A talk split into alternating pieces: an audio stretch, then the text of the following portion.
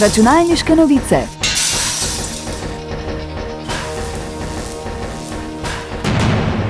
Prisluhnite novostim in zanimivostim z področja računalništva.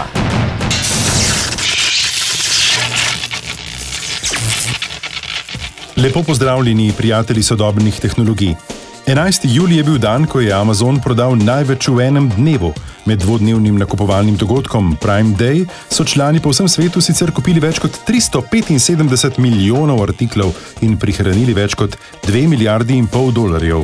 Vse to je doprineslo k zgodovinskim številkam. Med najbolj prodajenimi kategorijami so bile dom, moda in lepota. Nekatere manjša podjetja, ki prodajajo na Amazonovi platformi, so na ta dan svojo prodajo v primerjavi z ostalimi dnevi v letu povečale za kar 18 krat. Računalniške novice. Na svetu je ogromno podjetij, ki se ukvarjajo z razvojem letečih električnih avtomobilov, ki bi lahko potnike prevažali tudi po zraku. Posebej zanimivo je kalifornijsko start-up podjetje Aleph Automotive. To je namreč že začelo predprodajo letečega avtomobila Model A.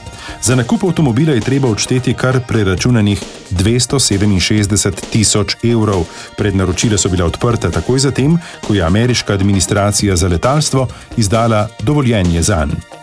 Leteči avtomobil Aleph Automotive Model A lahko z enim polnjenjem prevozi okoli 320 km po cesti in okoli 175 km v načinu letenja.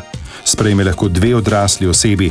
Bodoči kupci so za uvrstitev na prednostno listo morali odšteti preračunanih 1300 evrov. Računalniške novice. Podjetje OnePlus je znano po svojih kakovostnih pametnih mobilnih telefonih, v okviru programa OnePlus Featuring pa je že izdelalo prvo računalniško periferijo.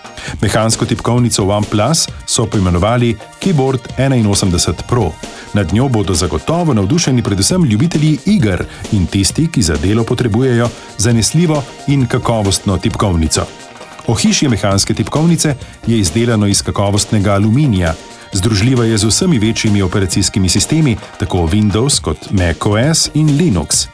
Uporabnik bo imel možnost spreminjanja namena tipk, za boljše vzdušje pa bo poskrbela še barvna osvetlitev.